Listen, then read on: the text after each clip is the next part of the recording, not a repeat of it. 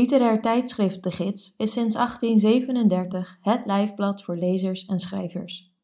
En sinds kort ook voor luisteraars.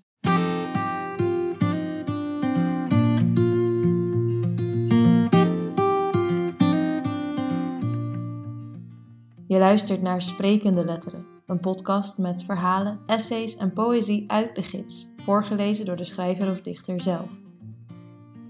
In deze aflevering hoor je Persis Bekkering. Ze schreef de afgelopen twee jaar voor elk nummer van de gids een chroniek en kritiek, een vaste rubriek op de laatste pagina van ons blad.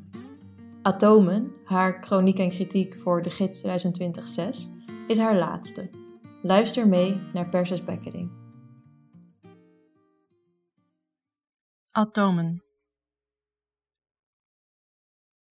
Amerikanen hebben het vaak over community, al dan niet met een bezittelijk voornaamwoord erbij. Het was het refrein van de Amerikaanse verkiezingen. This victory is so important for our communities. Get your community to vote, etc. Ik raak altijd een beetje in de war van dat woord. Vooral van de vanzelfsprekendheid waarmee Amerikanen het bezigen. Misschien omdat ik zelf een sterk verlangen voel naar het deel uitmaken van een gemeenschap, maar dat als een onmogelijkheid ervaar. Waar hoor ik bij? De gemeenschappen zijn ontbonden, burgers zijn geatomiseerd. Neoliberalisme voor dummies, toch? Hoezo hebben de Amerikanen dat dan wel? Waar halen zij die gemeenschappen vandaan? Van de week stond ik in de keuken kimchi te maken. Ook ik ben een van die hedendaagse subjecten die het trage verglijden van de tijd in de lockdown tracht te markeren met langzame tradities. Ik luisterde naar een podcast met Fred Moten en Stefano Harney, auteurs van de briljante essaybundel The Undercommons, Fugitive Planning and Black Study. Harney zei, There is no such thing as a white community. Whiteness is the destruction of community. Ik masseerde Chinese kool met grof zeezout en voelde me even heel gelukkig. Ik weet ook niet waarom ik me de laatste weken zo goed voel, terwijl ik het hele jaar teksten produceerde over hoe melancholisch de wereld me voorkomt, terwijl ik de laatste hand leg aan een roman waar de sombere schaduw van Saturnus overhangt. Ik kom mijn huis bijna niet uit, zit veel op de bank te lezen. In Brussel moeten we om tien uur thuis zijn. Er is buiten niets te doen. Wat kan ik toch goed alleen zijn, denk ik steeds, ook een beetje verbaasd, ondertussen verwikkeld in non-stop WhatsApp-gesprekken met vrienden over boeken en de voortgang van mijn kimchi. The future is fermented, appt iemand. In de eerste golf was ik één brok spanning en angst en uitputting. Nu voel ik me tevreden. We bevinden ons op bekend terrein. Deze situatie kennen we. Bovendien, hoop is een aantocht. Een vaccin is onderweg. Trump is verslagen. Ik kan eindelijk zeggen wat veel mensen in maart al zeiden. Even lekker niets. Geen sociale druk. Ergens lijkt me dat gevaarlijk. Tevredenheid is de bijl aan de wortel van het verzet. Ik zie mezelf gemoedelijk onderuit zakken in mijn leven, mijn leventje, met een domme blik in de ogen en iets om op te sabbelen. Totaal verdoofd.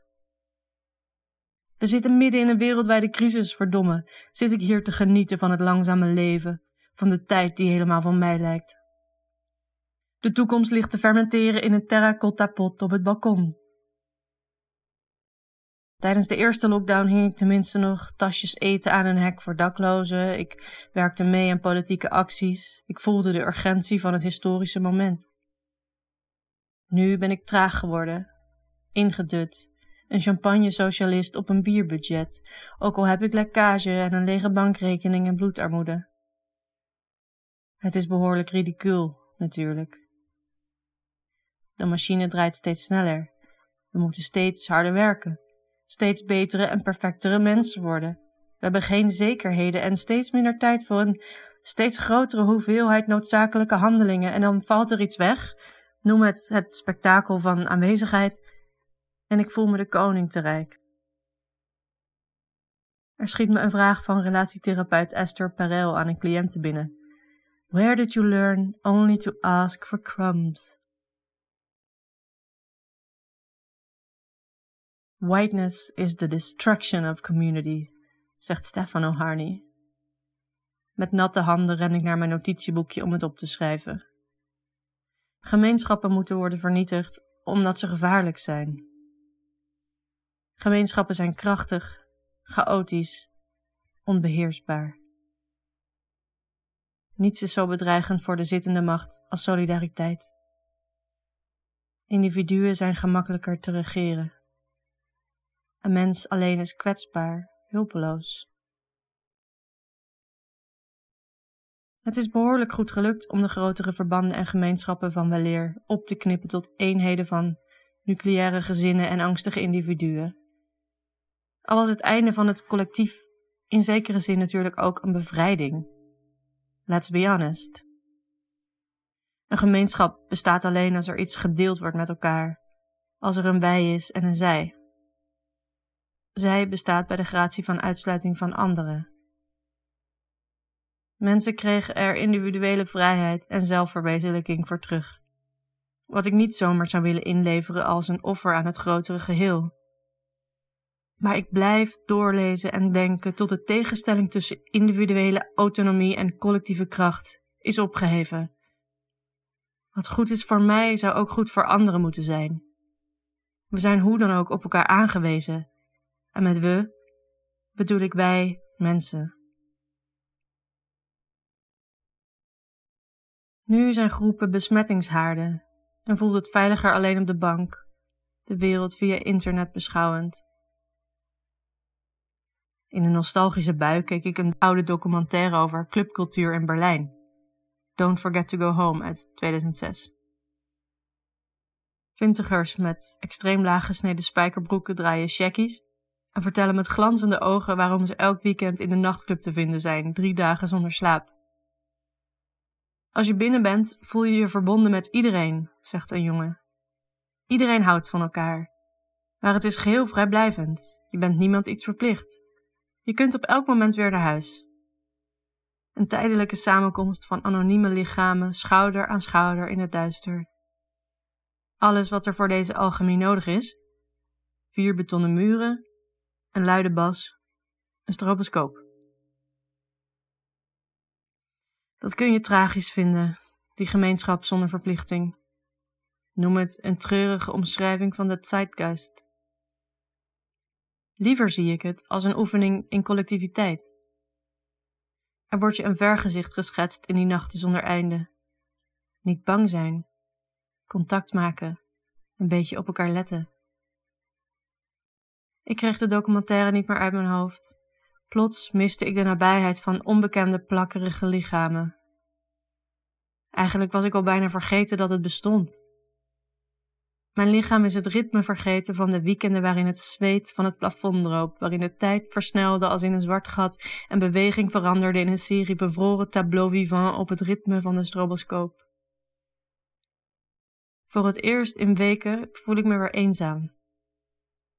Er is niets te doen behalve verder lezen, mijn lichaam oplossen in teksten.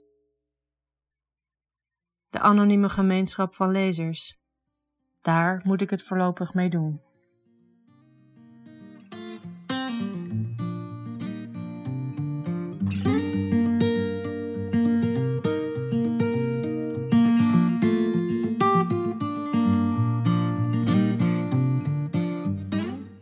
Hoorde Atomen, de chroniek en kritiek van Persis Bekkering voor de gids 2020-6. Persis Bekkering debuteerde in 2018 met de roman Een heldenleven, die werd genomineerd voor de ANV Debutantenprijs. Ze schrijft essays, columns en literaire kritieken voor onder meer NRC Handelsblad, De Gids en Mr. Motley. Haar tweede roman, Excess, verschijnt in 2021. Wil je de twaalf chronieken en kritieken die Persis Bekkering voor de gids schreef lezen? Dat kan op onze website www.de-gids.nl. Wat je ook kunt doen op die website is een abonnement nemen op de gids. Vanaf 20 euro per jaar ben je al abonnee en steun je het langslopende literaire tijdschrift van Nederland.